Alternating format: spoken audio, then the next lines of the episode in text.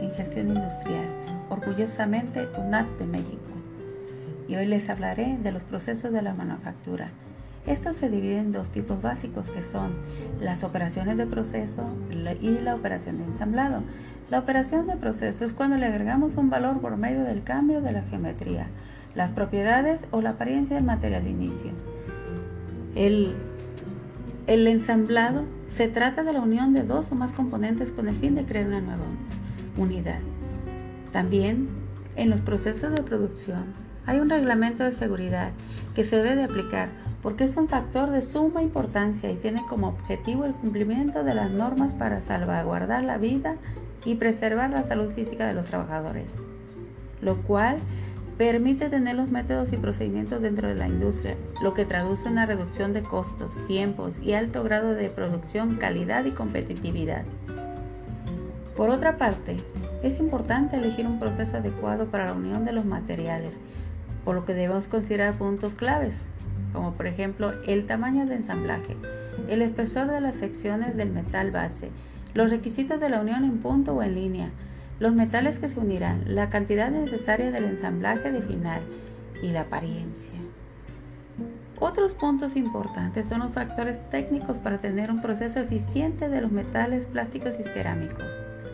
Por ejemplo, tenemos los metales, las técnicas de los metales con el fin de obtener diferentes formas y productos industriales, el material se somete a una serie de conformación, como es la laminación, extrusión, forja, estampación, embutición, doblado y prefilado.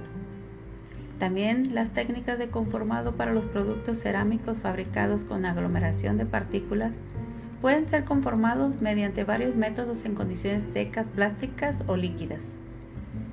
Por ejemplo, el prensado, prensado en seco, compactación isostática, compresión en caliente, extrusión.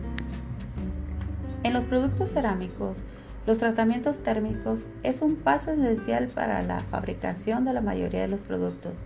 Por ejemplo, el secado y la, eliminación de aglutinantes, sinterización y verificación. Y por último, las técnicas de conformación o moldeo de los plásticos, que son la inyección, extrusión, soplado, vacío, compresión, hilado, laminado o calandrado.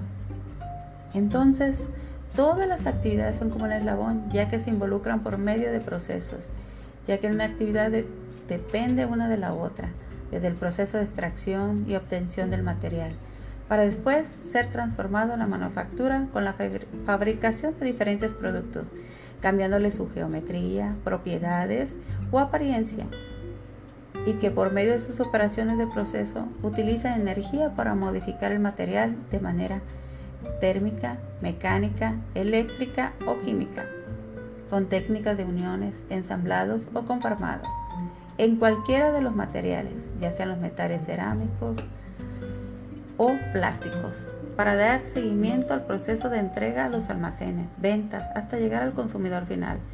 Así es como existe y funciona la cadena de suministro y le da un valor agregado a sus productos.